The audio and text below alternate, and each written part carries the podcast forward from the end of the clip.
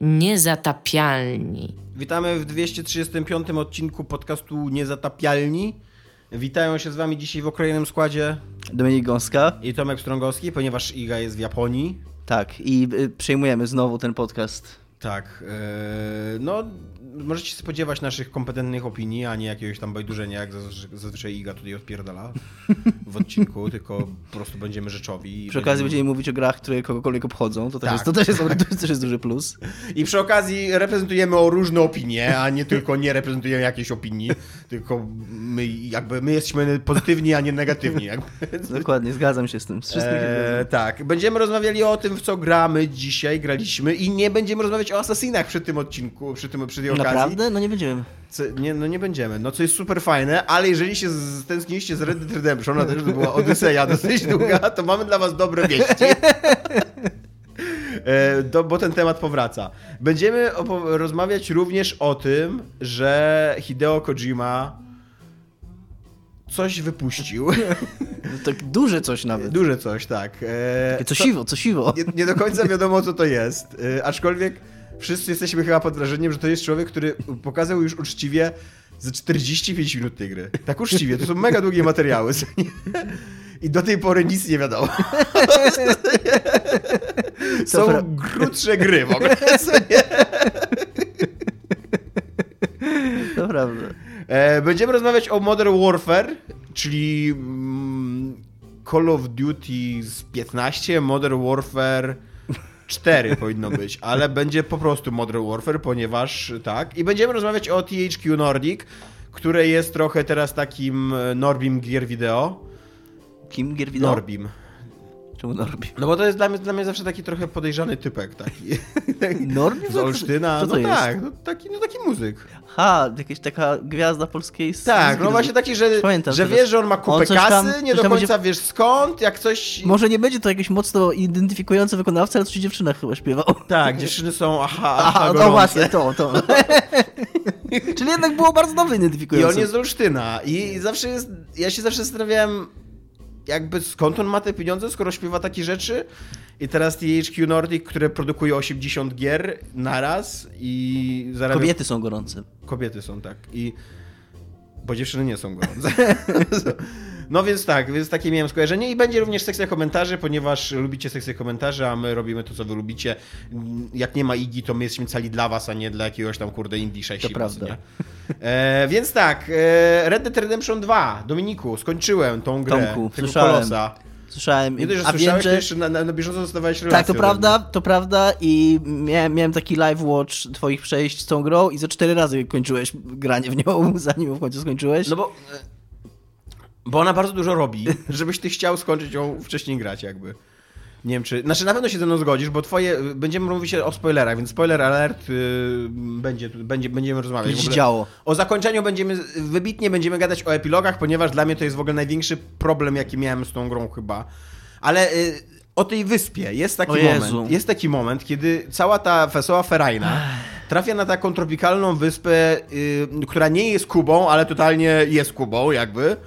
Yy, I, I co tam się dzieje? Tam są ze 3 czy 4 godziny jakiejś takiej zupełnie miałkiej, bezsensownej No. przygody. To jest, y, ja miałem... Jak to się dzieje, to to jest fajne.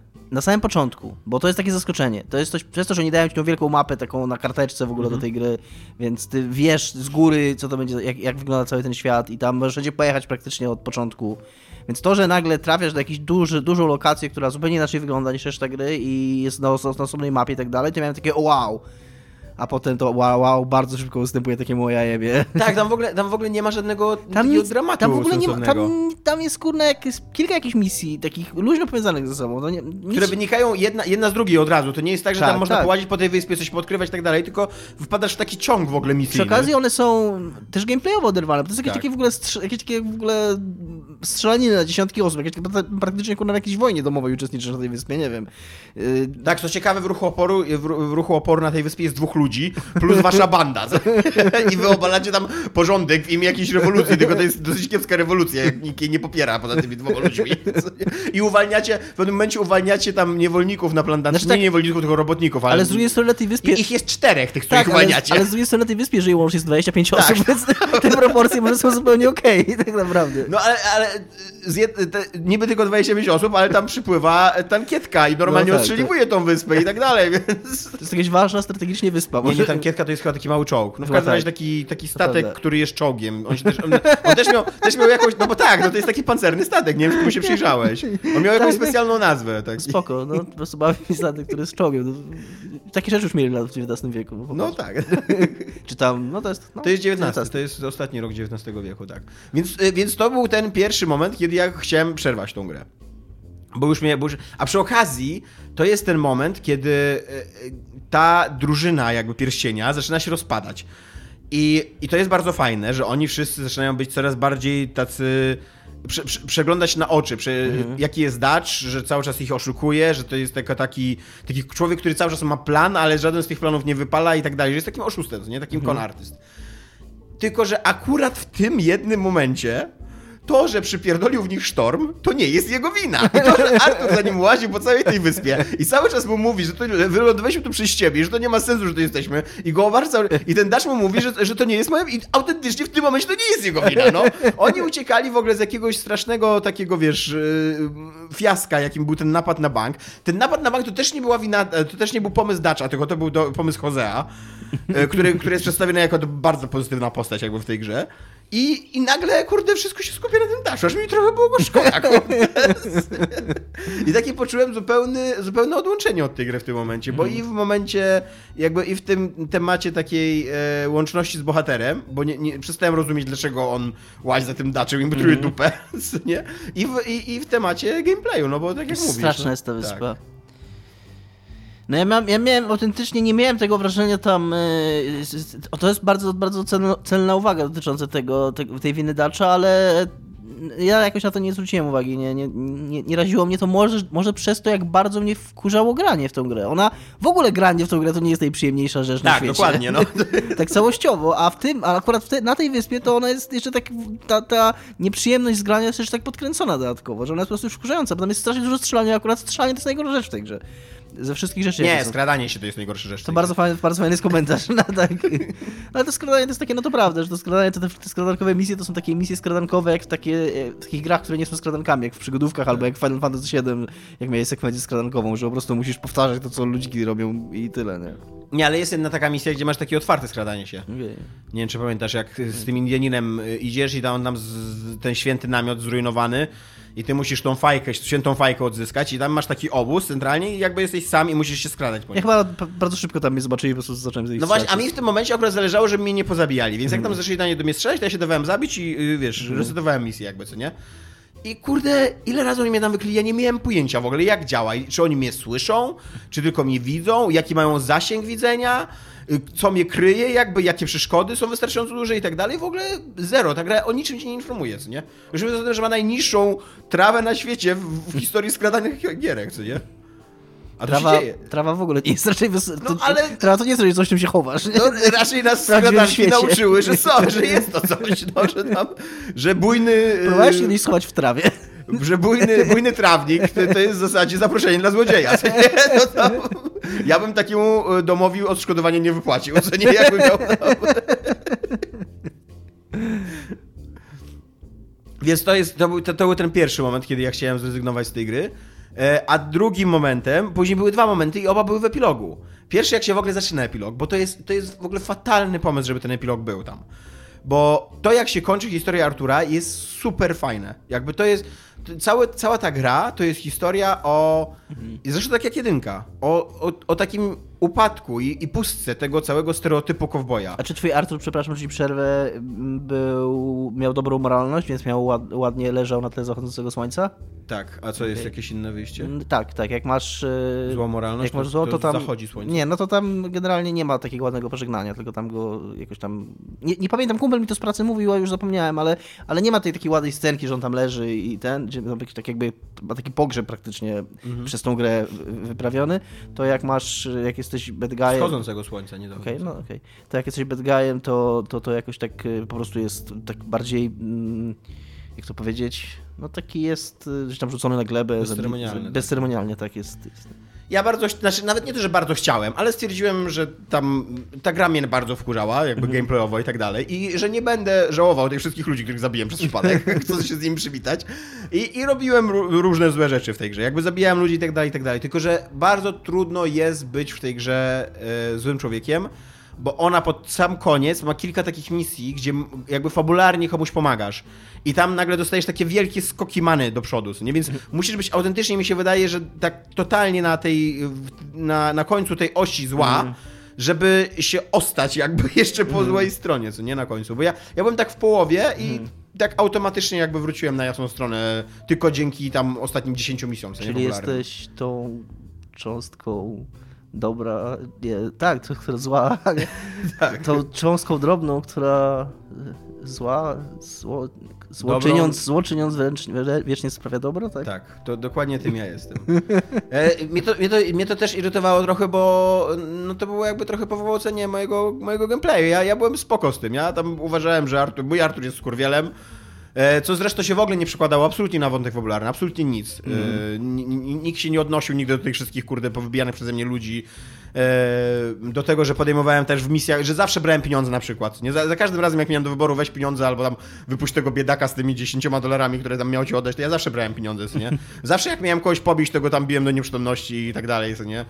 Więc y, albo jak, y, jak masz taki, bo tam były, to jest akurat fajne, że oni w pewnym momencie, twoi wrogowie w trakcie strzelania zaczynają uciekać, jak masz przewagę dużą. Mm. No to ja zawsze strzelałem w plecy ludziom. Mm. I też tak samo jak zabiłem jakiegoś niewinnego człowieka, bo chciałem się z nim przywitać, to wiedziony pewną e, westernową moralnością, już nie chciałem, żeby jego śmierć poszła na marne, tylko jeszcze ograbiałem jego zwłoki, żeby, żeby coś z tego mieć. I wtedy, wtedy dostajesz podwójną karę jakby do moralności, bo raz, że go zabiłeś, a drugi raz, że go ograbujesz. Co jest trochę bez sensu moim zdaniem, bo tak kto byś go zabił po nic. No, e, no ale, ale, to jest bardzo fajna historia o, o takiej pustce tego stereotypu kowboja, nie? Mhm. I, I super, tak jak ty mówiłeś yy, mi wiele, wiele razy, że super jest prowadzona ta choroba i ona jeszcze jest, go super tak degraduje tego Artura na mhm. końcu, że pokazuje, że, że to całe jego męstwo i tak dalej, że, że, że to na czymś zupełnie innym polega niż takie męstwo fizyczne, co nie? Że on nadal jakby, mimo że już nie domaga i, i, i jest słaby i tak dalej, że on nadal chce robić dobro i, i, i coś takiego, co nie? I jak on umiera na końcu, to to jest super finał, który świetnie wybrzmiewa, bo on na końcu ratuje tego Johna Marstona, nie? Mhm. który jest przy okazji dla mnie, na przykład dla człowieka, który grał w jedynkę i bardzo lubił, jest ważną postacią, którą ja bardzo lubiłem też w tej grze, nie? A później nagle się okazuje, że nie, że jednak tam sobie jeszcze pobiegaj po, kurde, mm, prerii, czy pustyni, bo jeszcze pustynia się otwiera i, i, i wiesz, i że jeszcze jednak jesteś kowbojem. I, i ta, ta, ten, ten dodatek, to tak jak ty mówisz, że tam dopiero w napisach końcowych jest taki mhm. y, gorzki wydźwięk tak. tego, że go wcześniej czy później FBI go znajdzie i że to się skończy dla niego źle. Ale cały, cały ten epilog fabularnie to jest mega happy zakończenie. Takie tak. w ogóle... Taki... Mi, się właśnie, mi się to właśnie, i teraz przerwę ci na chwilę, żeby powiedzieć, bo ja nie wiem, czy my mieliśmy taki spoiler to Nie, ten, nie mieliśmy. Że, że mi się właśnie to zakończenie podobało, dlatego że ono mnie autentycznie zaskoczyło i może to jest coś, czego ja też trochę chciałem, bo ja wiedziałem o tym, że mhm. Artur umiera, wiedziałem, że zmiana postaci. Nie wiem, czy wiedziałem, że na Artura, ale nawet jak nie wiedziałem na, na Marstona, nawet, nawet jeśli tego nie wiedziałem, no to, to bardzo, coś, tak. bardzo szybko się domyśliłem, że, że na niego, więc y, totalnie jakby byłem przygotowany na to, jak ta gra słodzi tak naprawdę w tej końcówce, że ona robi to wszystko, żeby mnie zła, żeby złamać mi serce na koniec i że mnie, i że mnie z, zniszczy emocjonalnie. I to, że mnie nie zniszczyła, to było dla mnie takie o, i tak się uśmiechnąłem, że, że dostał ten... Masz rację oczywiście, że z punktu widzenia takiego scenopisarskiego, czy, czy dramaturgii... Ono jest sprzeczne w ogóle dramatur, dramaturgii historii, ten, ale ja, ja to się działo wtedy dla mnie, naprawdę, więc się cieszyłem, że Artur dostał dobre zakończenie, że a przepraszam, John dostał, dobre, dostał dobre zakończenie.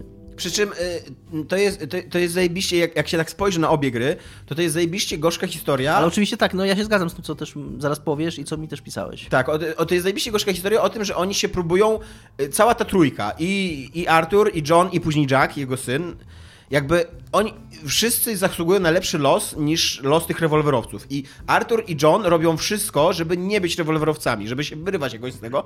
I jakby ta gra pokazuje, że, że nie można, że oni już są tak głęboko zanurzeni w tej przemocy i tak dalej, że nie można.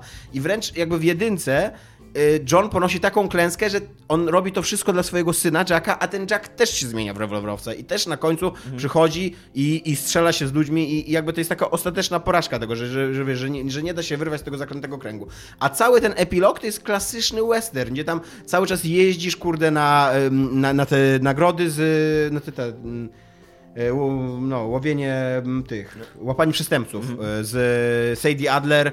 E, i to jest takie, takie beztroskie już jest, tam, tam już nie ma żadnej takiego poczucia tego, nawet, nawet jak w ostatniej misji, jak wybiega za tobą ta twoja e, Abigail i cię błaga, żebyś tam nie pojechał, a ty jedziesz, mało co wszyscy nie gniecie, i wracasz, to ona ci wpada w ramiona i w ogóle nie ma, żadnej, nie ma żadnego takiego wydźwięku, że wiesz, że jednak ona, ona dopiero co odeszła od Johna, dlatego że on y, się strzelał cały czas, co nie? I to też, też w ogóle bez jego przyczyny, bo tam jacyś łowcy nagród za nim, yy, za nim szli i on ich po prostu zabił dla bezpieczeństwa swojego i syna, nie? Ale Abigail uzna, że to już jest, że to już jest za dużo, co nie? Żeby tam chronić swojego syna. Yy, a, a tutaj John podejmuje sam świadomą decyzję. Idzie tam się strzelać z, no, ze swoimi byłymi yy, przyjaciółmi i, i nic. I, I tak jest happy end. I jeszcze jest na końcu, wiesz, ten, te takie cutscenki, że oni biorą ślub, że tam są, wszyscy tańcują sobie, co nie, że Charles odchodzi, że Sadie odjeżdża i tak dalej. I takie to jest... Eee, eee. A drugi raz, jak się wkurzyłem na tym epilogu i też już chciałem przerwać tą grę, jak na początku się zachwyciłem, że to są te dwa dodatkowe stany. Nie wiem, czy one są na mapie tej z kolei. Tak, są, Tak? są, są po drugiej stronie, masz, y, tak. że, że, że tam są dwa dodatkowe st- e, stany w tym epilogu. I na początku się za- zachwyciłem, bo ja, inaczej niż Domek, ja bardzo lubię w open worldach jeździć i, i tak sobie po prostu przebieżać pustynię i tam czekać na jakieś losowe zdarzenia i tak dalej, co nie? I odkrywać jakieś rzeczy. Ale tam, kurde, nic nie ma do odkrycia. Tam, tam jest literalnie ze 4 czy 5 rzeczy takich. Jest jakiś dom na pustyni, który wybucha, jest e, miasto to Amar, Amadirlo, czy jak się nazywa, jak się mówisz na pancernika po angielsku? Tak, tak, Amarillo. Amarillo, no właśnie. E, tu, które, które jest strawione plagą chore, e, cholery. Jest e, napad na pociąg, ale podejrzewam, że to jest losowe wydarzenie, które się wszędzie na mapie może wydarzyć. I. A, i jeszcze jest coś takiego, że przychodzą. Arma, armadillo. Armadillo, no właśnie. I jeszcze jest coś takiego, że przychodzą w tym Armadillo, przychodzą bandyci i tam negocjują z szeryfem, żeby wypuścił ich e, tego. No i ja interweniowałem i zabiłem tych bandytów i to nie miało żadnych konsekwencji, to się nic, nic, nic dalej się nie stało z tym wątkiem, nic zero, co nie? Więc, więc to są dwa wielkie stany, tak rzucone po prostu na Ja właśnie- się i...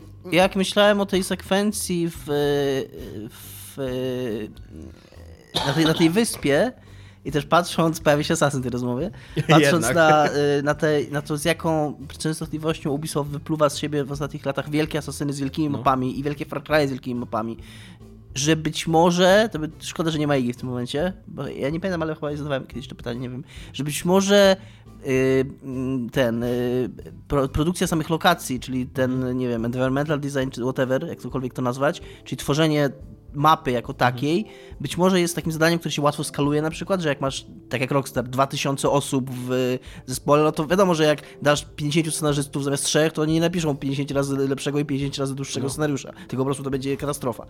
E, A być może przy, przy mapach jest coś takiego, że, że możesz tych ludzi, którzy już na przykład nic innego nie mają do roboty, dać do klepania mapy, bo w tej grze jest ewidentnie za dużo terenu i, Tak. i mam wrażenie, że ta wyspa to też jest coś, co oni zrobili i tam mieli jakiś ambitny plan, że tam będzie kurna jakaś, jakaś poważna, że tam, się że tam faktycznie będzie kolejna jakaś, jakiś wątek fabularny, że tam będzie się zwiedzać tą wyspę, że tam będzie... Oni, mi to wyglądało bardzo, jakby oni się chcieli jakoś do niewolnictwa odnieść tam na tej Że wyspie. mówię, że ja mam wrażenie, że oni tą wyspę mieli zaplanowane, że tam będzie tu bardziej, bardziej rozbudowana fabuła na tej wyspie i jakieś misje i jakieś wątki poboczne, więc zrobili tą lokację, mieli tą lokację, a nie udało im się skończyć tych, tych rzeczy, które miały wypełnić tą lokację, no ale mieli ją skończoną, więc ją po prostu tam rzucili. I tak samo te, te dodatkowe stany, o których ty mówisz, no to jest, no to, to już jest na jeszcze większą skalę, bo tam już w ogóle nic nie ma, tam nawet tak fa fabularnie ta gra ci nawet nie prowadzi do nich.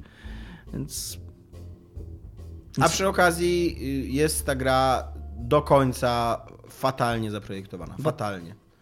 Moim zdaniem. Bo tak, bo jeszcze zaraz przejdziemy do tego, jak jest zaprojektowana, ale skądś by mi się przypomniało a propos tych, bo ostatnio jest y, duży, i nie wiem, czy o tym nie pogadamy bez któregoś z tematu, bo to jest duży artykuł mm, y, tego Schreiera, jak on się nazywa? Jason. Jasona Schreiera na temat y, y, zarzutów o molestowanie seksualne w Rockstarze i tam w tym artykule właśnie pada informacja, że nie zostają 2000 osób. No spoko. No. To już chyba pogadaliśmy o tym, czy coś bardziej chcemy rozmawiać. no w sumie pogadaliśmy już o tym. No. E, no i jest, je- do końca, do końca ta gra jest fatalnie zaprojektowana moim Tak. zdaniem. Ja, do końca mi się zdarzało zabijać Znaczy, przypadkowych ludzi. Nie wiem, czy nazwałbym to tak, jak ty to nazwałeś, ale fakt, że sterowanie w niej jest, y, nie wiem czemu, no to jest takie, jakie jest. Bo mi się wydaje, że to jest świadome i że to jest jakaś ich decyzja, która z czegoś wynika. Ale tam nawet ukrywanie się za osłonami nie działa. Tam nic nie działa. Tam osłona, o, o, chowanie się za osłonami to tam działa tak samo akurat w w GTA 4. Tak. Jak w grze sprzed 10 lat. Jakby Tak. oni po prostu wzięli to, ten sam mechanizm, który mieli tam i po prostu go przenieśli jeden do jednego do, do, do Red Dead Redemption 2.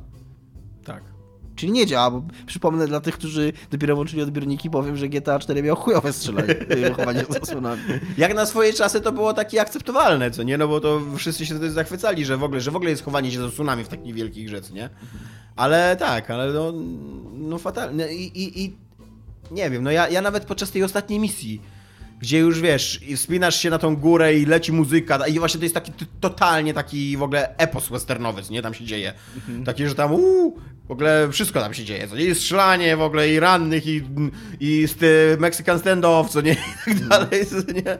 I, i nawet tam, ja, ja, ja po 60 godzinach gry, ja nie potrafiłem się dobrze schować. ogóle- Nie, nie, nie potrafiłem wyczuć, wiesz, za którą ścianą ja się teraz ogóle a schowam. propos, a propos lecenia muzyki, to tak mi się przypomniało, że ja nie grałem w jedynkę, ale wiem, że wiem, że bo dużo się o tym pisało, że jest Tak. ten taki charakterystyczny, zapowiadający w pamięć motyw, że się gdzieś jedzie i muzyka Tak, jak się odpala. odkrywa Meksyk. I to tam musisz- dwójka robi to trzy razy ten, ten Tak, motyw.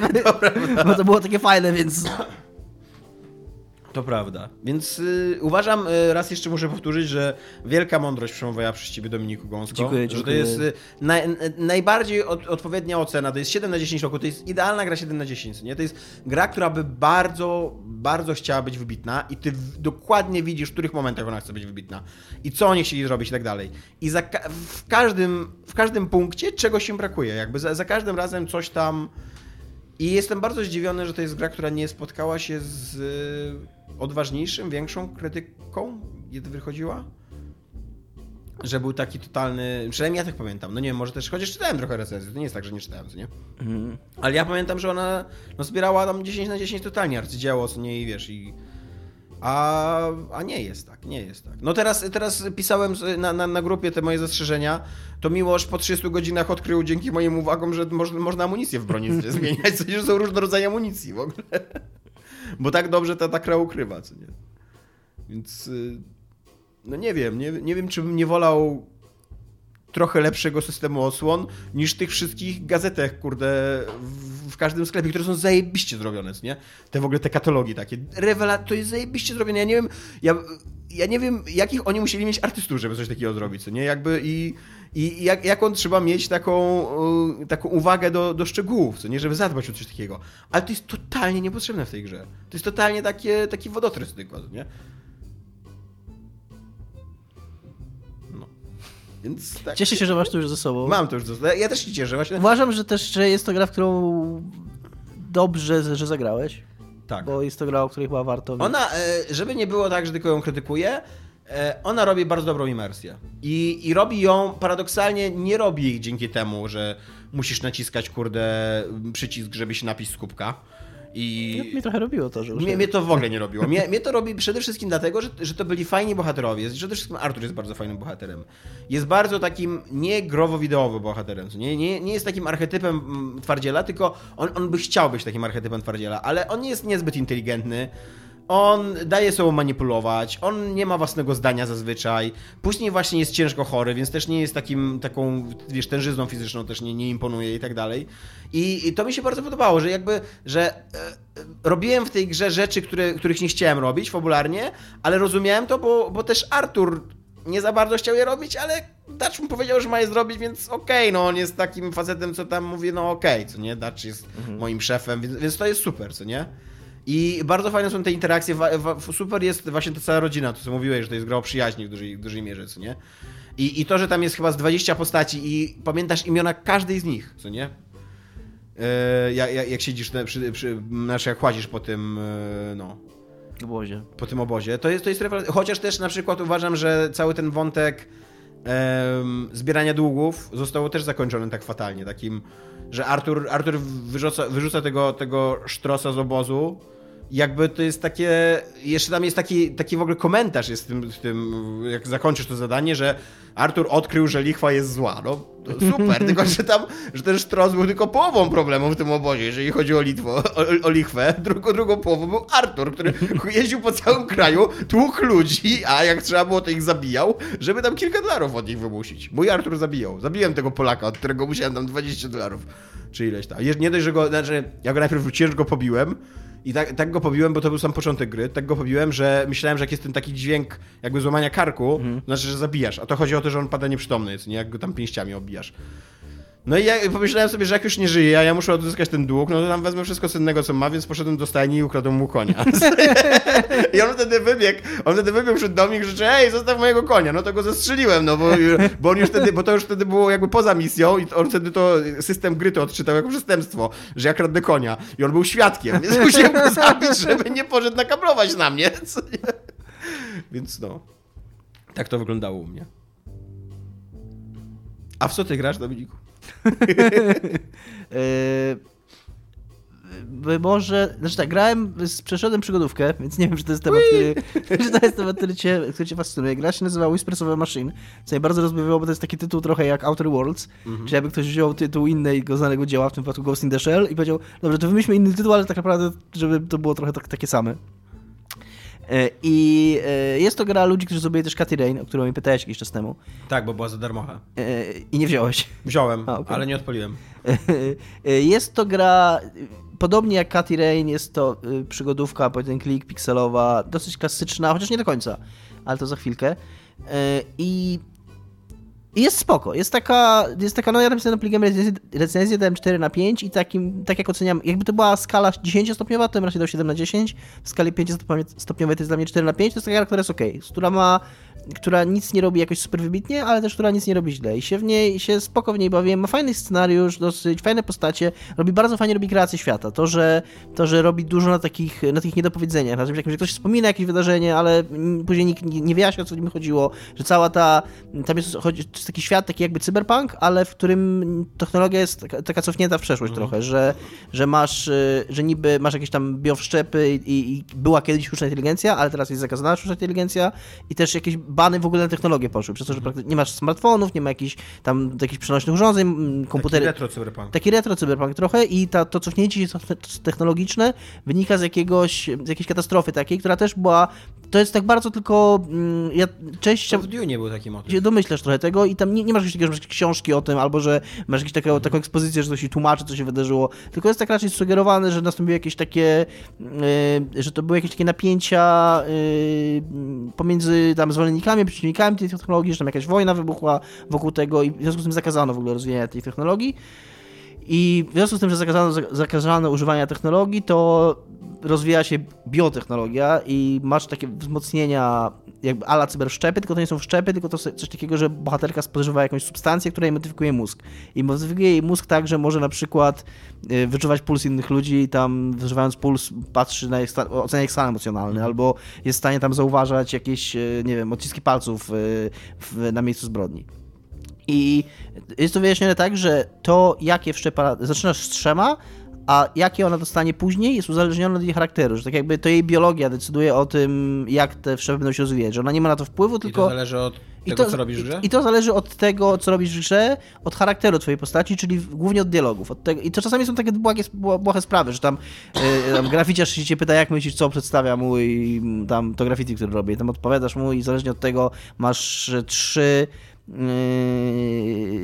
jakby sposoby postępowań, nie wiem jak powiedzieć, mhm. takie trzy nastawienia, że na empatię, na analityczność i na asertywność. No i to są, każda odpowiedź jest jakby przypisana do jednej z tych, tych i masz taki trójkąt, tam gdzie twoja postać się, się aktualnie w, w, w, na obszarze tych trzech sił znajduje i zależnie od tego tam dostajesz dodatkowe wszczepy. Gadałem z Szymonem Adamusem, który e, śmiesznie, bo my gadaliśmy trochę o tej grze i on mówił, że właśnie jak ją skończyłem i on mówił, że trochę mu się nie podobało to, że bo faktycznie jest tak, że jak ty dostajesz te nowe wszczepy, to trochę jest tak, że, że masz zagadkę i to jest totalnie taka prosta zagadka, która tam dostajesz właśnie wszczep niewidzialność i masz, no musisz się zagrać, zagrać do jakiegoś, zinfiltrować jakiś tam kościół, jakiegoś tam kultu, nie? No i tam stoi strażnik przed drzwiami. No co teraz zrobić, nie? I tam dwie minuty wcześniej dostałeś niewidzialność, nie? Więc jest takie, no, no raczej, raczej proste to jest. I on mówi, że trochę mu się nie podobało to właśnie, że dostajesz te wszczepy, po czym totalnie tam gracie DNR i jedną, jedną taką prostą i może jeszcze dwie inne zagadki, ale one też są raczej blisko tego momentu, kiedy dostajesz mhm. ten szczep, więc trochę się spodziewasz, że masz go użyć i po prostu go używasz. I, i mówi, że to, że to mu się nie podobało i że, i że tak jakby to, te wszczepy, które, te zagadki, które dostajesz są bardzo determinowane przez te wszczepy, a ja mu później mówię, że chwila, chwila, ale to chyba jest tak, że właśnie te wszczepy zależą od tego, jakie decyzje podejmujesz. On mówi, że trochę mu się nie chce wierzyć, bo za bardzo te zagadki są dopasowane pod nie, ale pogadaliśmy trochę, okazało się, że mieliśmy zupełnie inne. Czyli faktycznie jest tak, że te zagadki się, one cały czas są proste, ale się zmieniają tak, że masz inne rozwiązanie, że ja tego strażnika użyłem niewidzialności, żeby go ominąć, a on tam użył przejmowania umysłu i tam yy, ten strażnik jakby odszedł z, z, z, ze swojego posterunku po tym, jak, jak przejął jego umysł. Yy, I Yy, ma fajne zagadki, takie też, yy, też takie ok. Nie, nie ma żadnych wybitnych, ale ma ze dwie czy trzy takie, że, że miałem sobie takie ok, fajnie, jak, jak, jak to rozwiązałem i jest parę takich... Ja ostatnio, jakiś czas temu mówiłem, że na tym etapie mojego grania w gry przygodowe, to jak po przejściu takiej standardowej przygodówki, która jest na 6-8 godzin, mam jedną zagadkę taką, że, że czuję satysfakcję z tego rozwiązania, to uważam, że jest dobrze. To, to, to jest już dla mnie, to już jest dla mnie okej. Okay. miałeś? To miałem ze, ze dwa czy trzy razy takie. One nie były trudne, ale były takie, że pomyślałem sobie, kurde, to było pomysłowe, to było fajne, że, mhm. że jakieś takie trochę wywróciło moje oczekiwania, że musiałem trochę co innego zrobić niż na ogół w takich grach się robi, więc to było spoko. Nie była ani jednej zagadki, która by mnie wkurzyła, albo która by była głupia, więc to też jest spoko. Fabułka jest też taka nieinwazyjna, nic tam wyjątkowego się nie dzieje, ale jest taka dla dorosłych ludzi, to jest spoko, że Katy Rain miało, i ja teraz sobie przypomniałem, jak też gadałem z Szymonem, że Katy Rain miała, abort, miała wątek aborcji, taki bardzo silnie podkreślony w grze i ja byłem pod mega wrażeniem tego, że bo, bo jak, jak zaczął się ten temat w tej grze, to miałem takie oho, takie masz, takie wiesz, włącza ci się takie... Jest wybór moralny, czy usunąć, czy nie? Nie, nie, nie, jest, jest nawiązanie do aborcji, którą przeszła, chyba, nie pamiętam, jest, jest wspomnienie aborcji, jest generalnie ruszony ten temat, nie masz decyzji moralnej i jest właśnie z zaskakującym taktem, y, tak bez, y, bez jakiegokolwiek takiego kaznodziejstwa w jedną czy w drugą stronę i, i bez jakiegoś kiczu czy, czy jakiegoś nie wiem jakieś tandety takiej. Jest, jest, pamiętam, że właśnie zrobiło to mnie duże, duże wrażenie, bo jak już coś taki temat w grze, w grze wideo rusza, to się spodziewasz, że kurwa tak, zaraz tak, jakiś tak. David Cage tutaj się, się odpierdzieli i, i, będzie słabo.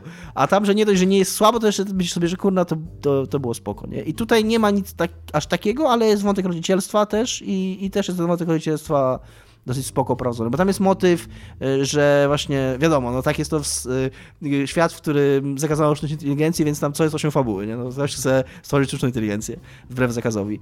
I, I pomysł na stworzenie tej sztucznej inteligencji jest taki, że ktoś chce właśnie ten, te, te biowszczepy jakoś wszczepić nowonarodzonemu dziecku, żeby ta sztuczna inteligencja wykształciła się tak y, na, w, w, w umyśle dziecka, czyli tak też biologicznie, mhm. żeby to dziecko tak jakby w ciele człowieka było sztuczną inteligencją.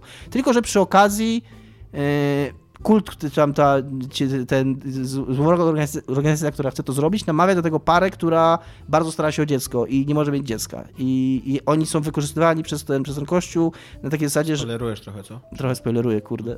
I to bardzo, bardzo spoileruję. Przepraszam, trzeba będzie dać spoiler origin. To można teraz... Tak sobie myślałem, że za, za długo mówisz, żeby, żeby to było tam w pierwszych 20 minutach gry. Ups. No dobra, no dobra, to po prostu przewincie cały pierwszy, cały pierwszy segment naszej, naszego podcastu. Trochę może nie powinienem, to zapędziłem się. No w każdym razie ten taki science fictionowy motyw jest opakowany w taką fajną ludzką dramę, która jest taka, no, no. podobało mi się to, więc, więc dobrze się bawiłem. Wiem, jeszcze chciałbym wrócić do Red Dead Redemption 2, mhm. że zapomniałem powiedzieć jeszcze jedno, dlaczego mnie te epilogi, dwa, w ogóle moim zdaniem, jak musisz zatytułować rozdział 60-godzinnej gry, epilog, część druga, to to jest już dla ciebie porażka jako twórcy i scenarzysty. Jakby, to, to jest takie czerwone światło, to już nie jest żółte światło, to już nie jest ostrzeżenie, to jest takie, takie czerwone światło, hola, co ty robisz, co nie? No, człowieku, pohamuj się, ale e, to, że ten epilog jest taki długi, on umie, dla mnie on trwał z 10 godzin, nie? Głównie dlatego, no, że... taki jest, no. Głównie dlatego, że bardzo się starałem coś znaleźć na tych dwóch... E, Przepraszam, muszę się, muszę, że ten, ale muszę się wylogować, bo mój pracodawca płaci za to nagranie aktualnie. Spoko. Eee, e, przez to, że on tak długo trwa, bo ja jeździłem po tych pustych stanach i tam dużo czasu zmarnowałem, to on bardzo rozmywa i przyćmiewa ten wątek Artura. I to uważam, że to jest w ogóle strasznie nieuczciwe wobec Artura. Jakby wobec, y, wobec tego wysiłku, jaki Rockstar i jaki ci twórcy włożyli w zbudowanie opowieści o Arturze i w dokończenie jej, w domknięcie i tak dalej, żeby później to tak rozmyć i e, tak, no wręcz jest tak, że to ja mam już takie wyblakłe spojrzenie, takie wyblakłe wspomnienie trochę o Arturze, że, że po, po skończeniu tak tej, gry, tej gry dużo żywszy jest we mnie John Marston niż... Trochę e, tak jest, że ona za bardzo się zmienia w grę nagle o Johnie. Tak. I, i to byłoby ok, być może, gdyby scenariusz był trochę, trochę inaczej Tak, poprowadzony. gdyby, no. gdyby było tak, że ty sobie zdajesz sprawę, aha, to jednak było wszystko o Johnie. Ale nie, bo Tak. ona przez te pierwsze 40 godzin czy 50, ona jest totalnie o Arturze, ona nie jest o Johnie. John jest totalnie drugoplanową postacią. Tam. I, i, I to było bardzo dobrze zrobione w jedynce, bo w jedynce, jak, jak wchodziłeś w buty Jacka, to miałeś, e, miałeś tylko jedną misję do wykonania. Mogłeś tam pojeździć po mapie, zrobić sobie jakieś takie poboczne, ale jak pojechałeś do tego fabularnego punktu, to było już domknięcie tego i właśnie to, wiesz, to takie przekazanie, że on też jest rewolwerowcem, że, że, Johnowi, że Johnowi nie udało się jakby zapewnić innego życia swojemu dziecku, co nie?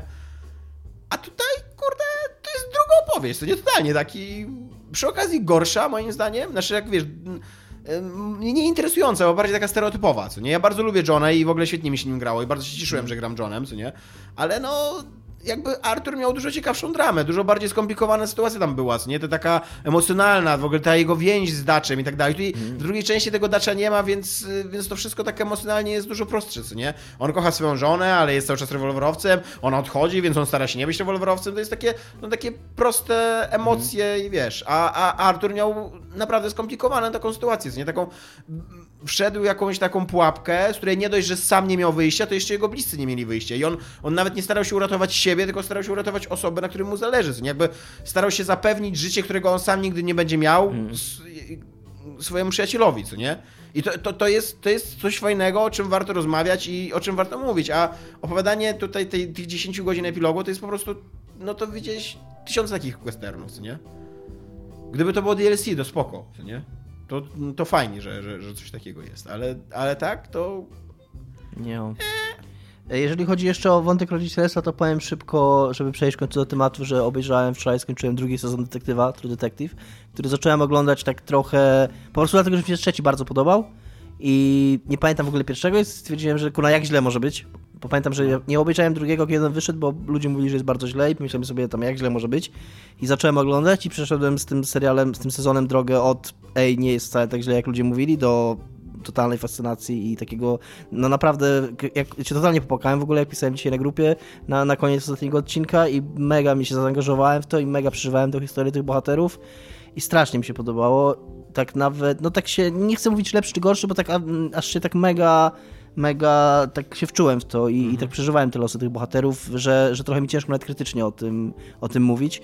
E, To, co mogę powiedzieć właśnie, że ma, ma super wątek, nie wiem, czy ty widziałeś? ja widziałem pierwszy odcinek, który mnie zanudził Aha. na śmierć strasznie. że ma świetnie prowadzony wątek właśnie ojcostwa, bo tam jakby jedną z najistotniejszych takich dramatycznych wątków związanych z głównym bohaterem jest to, że e, on e, się rozstał z żoną po tym, jak zamordował jej gwałciciela Mhm. E, i, e, i okazuje się, że ten gwałciciel zgwałcił ją mniej więcej w takim czasie, że syn jego może, on nie jest, nie jest pewien, czy syn, którego ma i którego wychowywał całe życie, jest jego synem, czy synem tego gwałciciela, więc jakby przez całą, cały sezon on nie jest tego pewien i taka jego, i on tam, on pod koniec wręcz prosi swoją żonę, żeby ona nie lubiła testu ciążowego, bo on woli, żeby ten syn nie wiedział tego, y, y, testu DNA, tak, testu ciążowego, testu DNA, bo on, on woli, żeby ten syn tego, bo on nie chce, żeby ten syn się, to, się tego kiedykolwiek dowiedział, żeby, żeby nawet miał możliwość się dowiedzieć tego. I że on w pewnym momencie rezygnuje w ogóle z walki o, o prawa rodzicielskie, bo tam on walczy przez cały sezon o prawa rodzicielskie i rezygnuje z tej walki, mówi, ja nie będę więcej walczył, tylko nie rób tego testu, bo ja, ale, a ona mówi, że nie, że, zrobię, że chce go zrobić dla siebie. On mówi, dobrze, to zrób, ale obiecaj mi, że nigdy mu nie powiesz tego, nie? I cały ten wątek jest, on jest tak... y, Kurde, jeszcze ja nie mam dzieci, nie? Myślę, że jakbym miał dzieci, to w ogóle bym się tam rozkleił, nie? Bo on jest na koniec, nie chcę już mówić, żeby już dos- dosyć się naspoilowałem, naspoilowałem w tym odcinku, ale on jest To tak też mam wrażenie, że tam do ósmego odcinka przynajmniej doszedłeś w tym wątku. No. nie no, trochę tak, ale, ale ni- nic, z niczym- zaskakującym na razie. To, to jest to, to, o czym powiedziałem, to jest tam rozwój fabuły po prostu. Tam nie, nie, to nie jest żaden, żaden plot twist. Plot, nie, nic więcej nie powiem, ale po prostu się mega rozkleiłem na koniec i, i bardzo mi się podobało, naprawdę, naprawdę. Także mówię, że nawet dla mnie to nie było, że tak jak na początku, że nie jest tak źle, bo on, nie jest, on się nie zaczyna jakoś super. Więc na miałem takie, że nie No jest mnie tak źle. pierwszy odcinek bardzo Że nie jest tak źle. A później naprawdę byłem totalnie on board. Ej, ta Rachel McAdams, która jest w ogóle dla mnie odkryciem ostatnich dni paru, bo nie znałem w ogóle tej aktorki albo nie kojarzyłem. a w ostatnim czasie obejrzałem ten serial z nią i chyba dwa filmy w ogóle. E, Więc, e, więc tak, bardzo mi się podoba. W ogóle zajebisty tekst ona, a to też rzucałem na grę, może widziałeś. Zajebisty tekst jak, jak... Ale to, no, nieważne, nie będę opowiadał dowcipów serialu w odcinku. Przejdźmy do tematów. Eee, tak. Eee, Modern Warfare, bo mm, gadamy już długo, a... A, wiesz, czy- teraz mi przypomniało, co miałem powiedzieć, przepraszam, jednak nie przejdziemy do tematów. Jednak nie? Przypomniałem się to, co ty mi miałeś przypomnieć, żebym powiedział szybko o, bo kończyłem ten, ten drugi sezon wczoraj i tak jak sobie myślałem o tym, jakie to jest wspaniałe, że, że ktoś może zrobić 8 odcinków z takimi postaciami, które autentycznie ja czułem, że one są koło mnie No. i ich problemy są koło mnie i to po prostu skończyć, nie ciągnąć tego w nieskończoność i zrobić coś innego. I przypomniał mi się kuriozalny tekst o grze o Tron i to po prostu kurna, ten tekst pokazujący co kurna, jak się dziennikarzom biznesowym daje pisać teksty o kulturze, co się dzieje. I to nie był jakiś blog kurna, y, y, nie wiem, zenek neoliberalny czy coś takiego, tylko, tylko, tylko, Też go czytam. tylko to był Business Insider albo Forbes, coś takiego, nie? I był cały długi artykuł o tym, że ty pisze, że akcjonariusze HBO powinni pozwać tą firmę do sądu za to, że oni skończyli grę o Tron.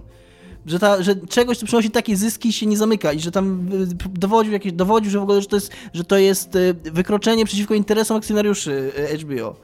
Wow. Więc no tak. Żeby nie było tak, że naprawdę ktoś ich pozwie, kurde. To by było kurwa dopiero, No. jakby się okazało, że kurde. No. To już, to już był w ogóle kolejny poziom takiego fanboystwa. Nie, nie, nie, nie dość, że teraz już będą fani rozczarowani, że, się zakończy, to jeszcze akcjonariusze będą rozczarowani, co nie? Bo byli fanami I tam, zysków. I tam ten artykuł jest totalnie tak napisany właśnie jak, jak taka auto, on jest taki, on jest, jak się mówi o tym prawie poego, że dowolna satyra jest nieodróżnialna od prawdziwej rzeczy. On mówi, że mógł być satyrą, on tam w momencie No. pisze, że, że może to była, satyra, nie wiem. To była, no. On w pewnym momencie pisze, że, kurde, teraz co, zapomniałem co on pisze, w pewnym momencie, kurde, O tym, że się nie może kończyć, bo że można pozwać, bo że, że tak, tam, że coraz więcej zarabiał i że że jest prawo. że zarabiał coraz więcej sezonu na sezon i nie może czegoś, kurna, kurna, no. Wyleciało mi teraz z Że głowy. to było działanie na szkodę firmy? Tak, że to było działanie na szkodę firmy. No trudno, no. Być może to była satyra, być Nie, może nie była, nie niepotrzebnie była. to podnosimy. Jestem, jestem prawie pewien, że nie była satyra, bo to było tak, no nie wiem, było tak super, nie było aż tak super hiperbolicznie napisane, no nie wiem, no. Dobra, mieliśmy rozmawiać o Hideo Kojimie i o jego Death Stranding, ale to nikogo, więc przechodzimy do Modern Warfare. Dlaczego nikogo? No bo y, gadamy już 45 minut. Moim zdaniem w stronach jest dużo ważniejszy, co możemy mówić o Gadamy już Modern Warfare? 45 minut, gadamy tylko we dwójkę, więc zaraz nam się zacznie kończyć tlen. E, A i tak jeszcze chcemy nagrać e, wrażenia z tego trailera, więc y, nie to musimy prawda, tego dwa razy. a no faktycznie, nie? no, no, no. Więc e, przejdźmy do Modern Warfare. Dominiku, jak, jak, jak będzie się nazywał nowy Modern Warfare? Call of Duty Modern Warfare, nowe Call of Duty będzie się nazywał. Znaczy, nie wiemy jeszcze tego na pewno, jest w dosyć ciekawym momencie nagrywamy ten odcinek, bo nagrywamy go chyba dokładnie w momencie, jak to się ma okazać, albo za godzinę, więc może, bo wiem, że to miało Mhm. Możemy dzisiaj... tak. Wiem, że to miało być dzisiaj, albo tak przynajmniej ludzie przypuszczali, że, że to Że miał się nazywać po prostu Call of Duty Modern Warfare. Jaka jest strona, jak wpisujesz, jak wpisujesz w internet, żeby sprawdzić coś takiego? VG247. Okej, to, no to, to dobry wybór. Wow, dzięki. W ogóle nie spodziewałem się tutaj szybkiego testu. Tak z ciekawości, tak z ciekawości spytałem. i Ja Nie no, jeżeli chodzi o newsiki, to mi się wydaje, że VG247 Wydaje mi, się, że, wydaje mi się, że wpisałeś lepszą stronę niż ja. A ty jaką? Ja wpisałem Eurogamer. No tak, to wpisałem lepszą. Nie ma jeszcze. Lepszą w tym sensie, że... Że, Że są szybsi, że są jeżeli chodzi o szybsi, takie małe, tak. małe newsy, no. Nie, nie ma nic na ten temat. Jest tylko Watch Call of Duty Modern Warfare Reveal Here Today.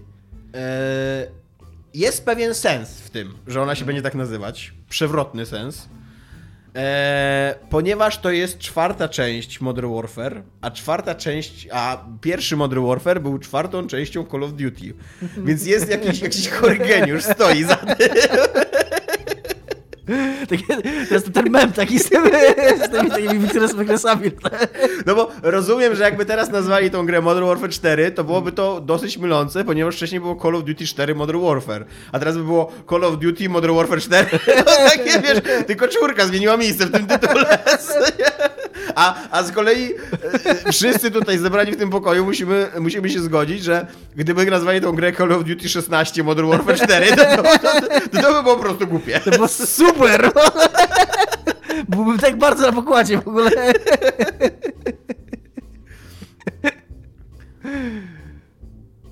Jo. Ty, ale to był chyba... A, przy- ale to byłoby zajebiste, jakby to było Call of Duty 16, gdyż incydentally Czemu? No. 16 do 4 do drugiej, więc mogło być Call of Duty 4, 2, Modern Warfare 4. 4 i tak dwójka jako potęga? No tak, ale, ale czy my chcemy żyć w takim świecie? Nie no, Czy... E, no tak, nie wiem. Nie, nie wiem, czy ja jeszcze w ogóle czekam na jakiekolwiek Call of Duty. I gdyby, gdyby nie ten news, którego ty mi sprzedałeś i którego później jeszcze opisałeś e, w, na poligami, którego też przeczytałem, nie wiem, czy gdyby ten news nie wyszedł, to ja bym się w ogóle przejął, że coś tam się dzieje. Ale być może im chodziło o taki, wiesz, taki taki szok po prostu, nie? Takie zróbmy coś tak głupiego, że nawet ci ludzie, którzy ignorują naszą grę od 10 lat, zwrócą na nią uwagę teraz. no. Nie jest to takie głupie. Do końca. No bo wszyscy o tym napisali. Nawet Sterling miał o tym, kurde, swój, wiesz, tam 10 minut rantu, że to jest durne. I co, i pewnie po dwóch minutach zaczął gadać o lootboxach i mikrotransakcjach, jak go znam. Nie wiem, nie, nie, nie, nie kliknąłem to, tylko mi wyskoczyło na, na YouTube. Ja już w ogóle raczej nie, nie klikam w Sterlinga. Ja, szczerze mówiąc, też, bo mówię, no, tak jak już mówiłem kiedyś, chyba w odcinku wydaje mi się, że jeżeli chodzi o opinię Jima Sterlinga na temat loot- lootboxów, mikrotransakcji i, i praktyk monetyzacyjnych, to wiem już wszystko, co musiałem wiedzieć kiedykolwiek. Znaczy ja, ja mam takie zastrzeżenie do Sterlinga, że Sterling już od bardzo dawna nie mówi o grach. Nawet jak robi te swoje takie ym, wrażenia z gry, to, on, to ma bardzo powierzchowne opinie i takie raczej nie, nieinteresujące. A w swoim tym Jim Inquisition już w ogóle, w ogóle nie mówi o grach jako o czymś, co daje frajdę, co można analizować, teksty kultury i tak dalej, tylko mówi tylko i wyłącznie o biznesie i o kasie i o mikrotransakcjach i o, i o tym, że go w ogóle brzydzi. On, ja mam wrażenie, że on nienawidzi gier już w tym momencie, co nie? I czemu on gra tyle w te A, A tytuły i czemu on cały czas ma do czynienia z tymi, nie wiem, no, z tymi firmami wszystkimi, których nienawidzi. No, w każdym razie nowy Modern Warfare, odfajkowaliśmy ten temat. Również e, kolejny temat, który się dosyć często u nas powtarza, ale chyba nie da się teraz o nim mówić. Nie mówić. E, THQ Nordic, e, które jest przedziwnym tworem, to musisz przyznać, co nie? Jest, tak. Ja nie do końca wiem o co chodzi. Jak tam się chodzi, to chodzi, jak tam się okaże, że za 5 lat, że to chodziło o jakieś pranie brudnych pieniędzy, to się Tak. wcale nie zdziwię. No, dokładnie. Które jest właścicielem Deep Silver, które z kolei wydało e, Metro Exodus, które zrobili jacyś Rosjanie, nie pamiętam jak się nazywało już Tak. konkretne studio. Więc 4, ta- to- 4A chyba, 4A. Tak, Tak, Nie- więc to, są też te, ta, ta drabinka już jest i, i TH, e, THQ Nordic e, wypowiadało się, miało taką, taką, taki czat na temat ze swoimi tymi shareholderami, udziałowcami, w których można było zadawać otwarte pytania, jakby taki był op, open mic. I, no i tam zadawano pytanie o to, jak, jak, jak wyglądała sprzedaż Metro Exodus i czy oni są zadowoleni, więc powiedzieli, że są zadowoleni, że prze, przewyższa ich oczekiwania, jakie, jakie tam mieli sobie w Excelu wpisali, e, ale że gra, która do tej pory była kojarzona głównie z pecetami, e, sprzedała się głównie na konsole. I że, że to na konsolach jakby na- najlepiej, najlepiej sprzedażowo wyglądało. E, Co y, nawet z pytanie wprost na, tej na tej konferencji, nawet z pytanie wprost, czy to oznacza, że gra poniosła y, jakby klęskę na Epic Store. E, On, ten, ten człowiek, Lars jakiś tam, nie pamiętam, e, e, Lars powiedział, że, znaczy tak zmienił temat bardzo wyraźnie, że, że, że znowu odbił w kierunku, że oni są zadowoleni z tej sprzedaży, ale że większość się sprzedała na konsolach i tak dalej. I to oczywiście uruchomiło całą lawinę newsików, ponieważ takim jesteśmy przemysłem i takim jesteśmy dziennikarstwem, że, że to ich ugryzło w dupę, że, że oni olali Steama i że no trzeba to przyznać, że wobec ludzi, którzy na przykład zrobili preorder na Steamie, zachowali się po prostu niefajnie, co nie? I, i, i tam jak dla mnie nie mam nic przeciwko temu, żeby y, sprzedawać grę, gdzie chcesz ją sprzedawać, ale jak już ją sprzedawać na Steamie, no to niech ona będzie dostępna na Steamie, nie? Nie wycofuj się z tego. Więc e, e, THQ Nordic wydało e, dwa dni później e, oświadczenie, że e, nic z tych rzeczy, że oni są bardzo zadowoleni z mm, współpracy z Epic Storem i że dostają z Epic Store'u dużo większe pieniądze, pieniądze, dużo większe pieniądze niż e, z, e, z Xbox, znaczy niż od Microsoftu i od Sony. Oczywiście nie jako całość, co nie, no bo skoro się więcej sprzedało na Xboxie i na PS, to, to, to jakby wciąż większość zysków jest po tej stronie, ale jakby za sztukę, co nie, że dużo korzystniejszym modelem biznesowym jest dla nich współpraca z Epic Storem. Co mi się wydaje ciekawe, ponieważ w ogóle twoja teoria, którą tu prezentujesz, że Epic próbuje podejść do kwestii sprzedawania gier z zupełnie innej strony, jakby że ich klientem Tak. ma być dystrybutor gier, albo producent tej gry, albo wydawca, albo kto tam. To teraz dzięki tobie przypomniało, y, co o tym artykule, co tam było, tylko co No. mnie tak uderzyło jako parodię. I szybko powiem, zanim, zanim znowu zapomnę. Szybko. Że on tam pisze serio, że klientem HBO nie są widzowie. Że, że to było takiego, że ja rozumiem krytyków, którzy lub, którzy tam mówią, że to jest lepsze, jeżeli się seria zakończy ten, ale wi- klientem HBO nie są krytycy i nie są widzowie. Klientem HBO są akcjonariusze i zadaniem HBO jest robić tak, e, takie programy i takie telewizyjne, które spełnią oczekiwania akcjonariuszy, czyli przyniosą na więcej zysków. I jest to niestety prawda. Jest to niestety prawda, ale to nie jest prawda, którą dziennikarze... to nie- to nie jest prawda, o której mówimy. O, tak. To nie jest prawda, o której chcemy, żeby była prawdą. E, No i w każdym razie w kontekście tego, co ty mówiłeś, wydaje mi się to bardzo interesujące, że przyszedł taki czas, że nawet duży wydawca, chociaż trochę podejrzany, mówi, mówi wprost, że po prostu jest to dla nich dużo bardziej opłacalny model biznesowy i zarabiają za sprzedanie tej samej gry dużo uczciwsze z ich punktu widzenia pieniądze i, i, i, i że oni chcą to robić. Powiem tak. Być może się komuś narażę, ale jeżeli efektem tego całego zamieszania będzie to, że rynek gier na PC umrze, to płakał nie będę. Hola, hola.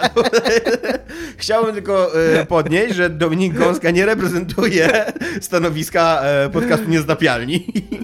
A tak serio, to myślę, że yy, że te, te, te HQ Nordic i Deep Silver, że oni troszkę po prostu postawili na tego konia i oni nie ujawnią dokładnie, jakie to są dane i być może oni wie, być może teraz, znaczy tak sobie teraz ja zgaduję, że być może oni myślą, że, że faktycznie, żeby, gdyby ta gra była na Steamie, to w tej chwili, znaczy na- za te pierwsze trzy miesiące sprzedaży, tak netto zysk byłby większy z tej, z tej sprzedaży, ale oni jakby w dłuższej perspektywie może widzą siebie jako, i chcą mieć dobre, dobre stosunki z Epikiem i dobre partner- partnerstwo z Epikiem i trochę być może zakładają, że po prostu graczom to przejdzie i mam nadzieję, że tak, znaczy przypuszczam, że tak będzie i wydaje mi się, że wszyscy, że wszyscy tak naprawdę e, na to, e, z tym Epikiem na to liczą.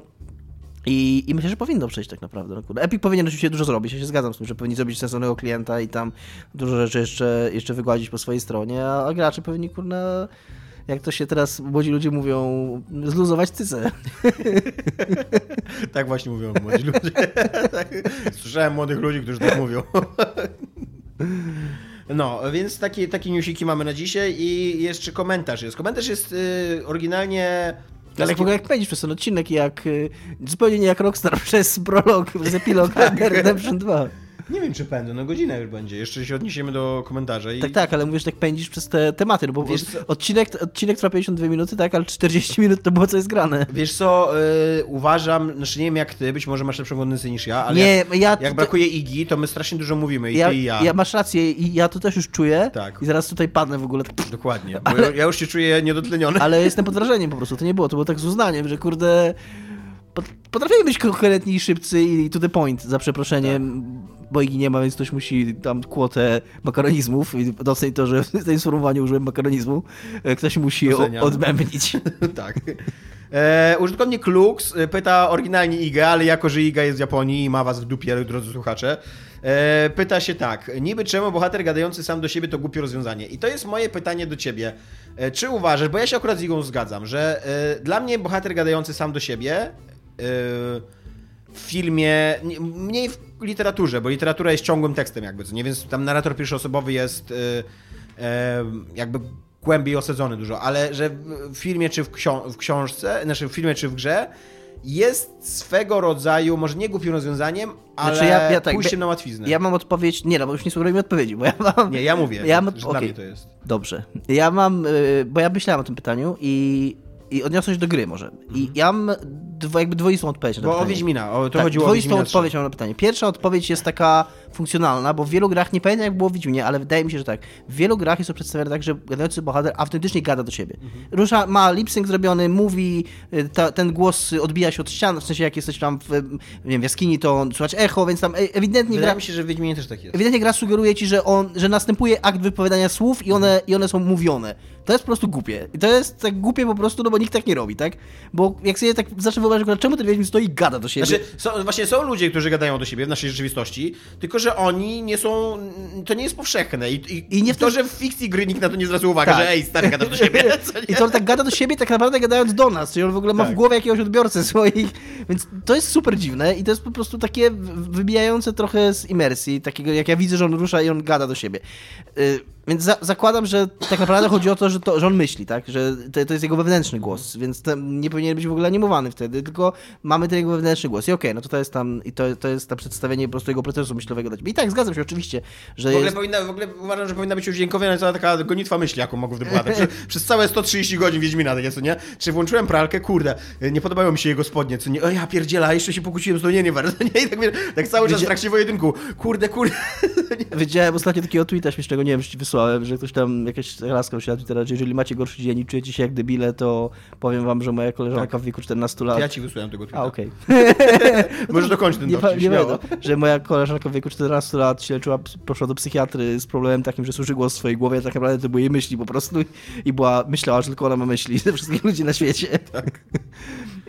I, I wracając do tego, ja się zgadzam, znaczy ja rozumiem, bo to jest coś, co w moim życiu, my jako ludzie wychowani w fantastyce naukowej, e, wszyscy obejrzeliśmy Blade Runnera z wewnętrznym monologiem tego bohatera i nie wiem jak ty, ale dla mnie, ja się w tym momencie dowiedziałem, że to jest, że to jest leniwe, że tak się nie robi, że tak się nie powinno robić. Oczywiście musiałem tam mm, być trochę starszy i się dowiedzieć, dlaczego tak się nie robi, że to tak, że, że faktycznie mm, to jest tak jakby ci, to jest tak samo jakby ci, wiesz, reżyser wyszedł, albo jakby ci David Cage wyszedł w swojej grze, co on w ogóle zrobił w jednej z swoich gier i coś wytłumaczył, że ten bohater myśli to. Zrobił, tak? W której? W Fahrenheitie było tam, znaczy on, było, on tam tutorial robił tak naprawdę. On wychodził, on się pojawił jak on, nie?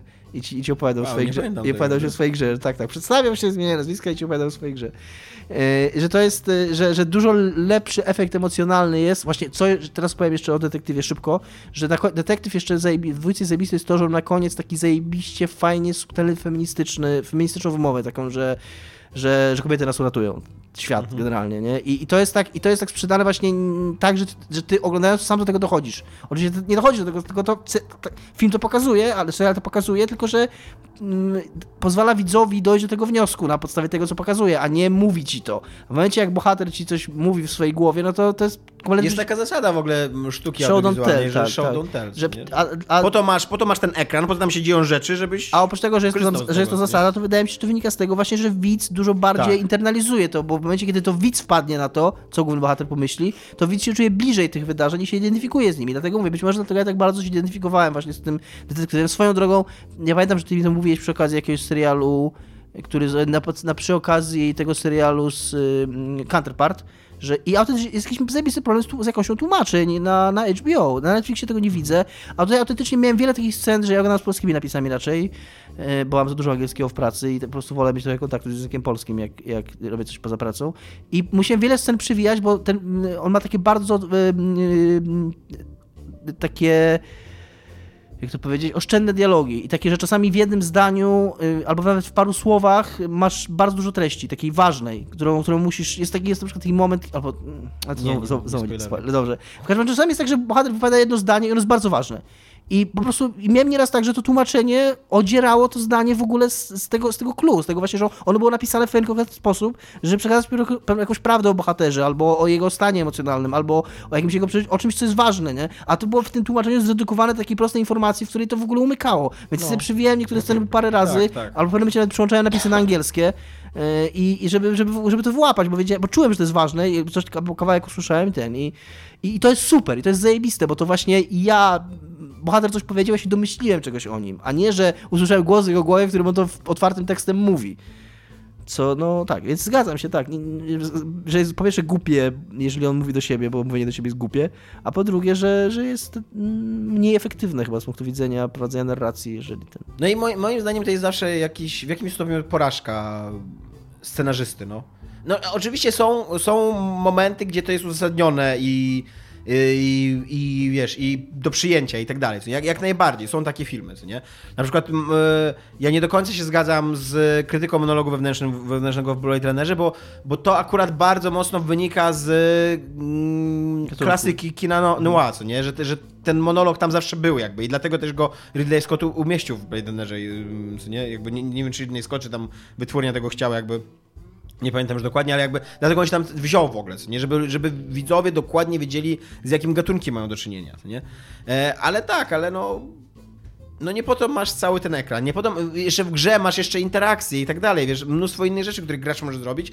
Nie po to to wszystko jest, żeby postać chyba- musiała coś te, mówić teraz, teraz sobie o tym pomyślałem jeszcze, że właśnie w kinie jak w kinie, ale właśnie w grze to jest dopiero porażka, no bo, no bo jednak w grze masz jeszcze gracza, tak? I, i gracz ma jakoś, y, ma być, ma jakoś być wewnątrz tej postaci, ma, mają jakby y, zamieszkać tą postać, tak, na potrzeby tej gry. Czyli tak naprawdę ten monolog się powinien w głowie gracza toczyć i ty, ty powinieneś jako twórca doprowadzić do tego, że skoro dajesz swojemu gra- graczowi kontroler, którym może ruszać nogami tej postaci i rękami tej postaci i strzelać tą postacią i rozmawiać tą postacią w dialogach, Tak to tylko w Red Dead Redemption 2, że i rękami i nogami. I to jeszcze dobrze by było, zosta- spust, to jeszcze było dobrze mu zostawić to miejsce w głowie, że mógł myśleć tą postacią też. A jak mu, y, to, a jak mu myślisz tą postacią za niego, to, to jakbyś zaczął strzelać za niego, albo jakbyś zaczął biegać za niego. No.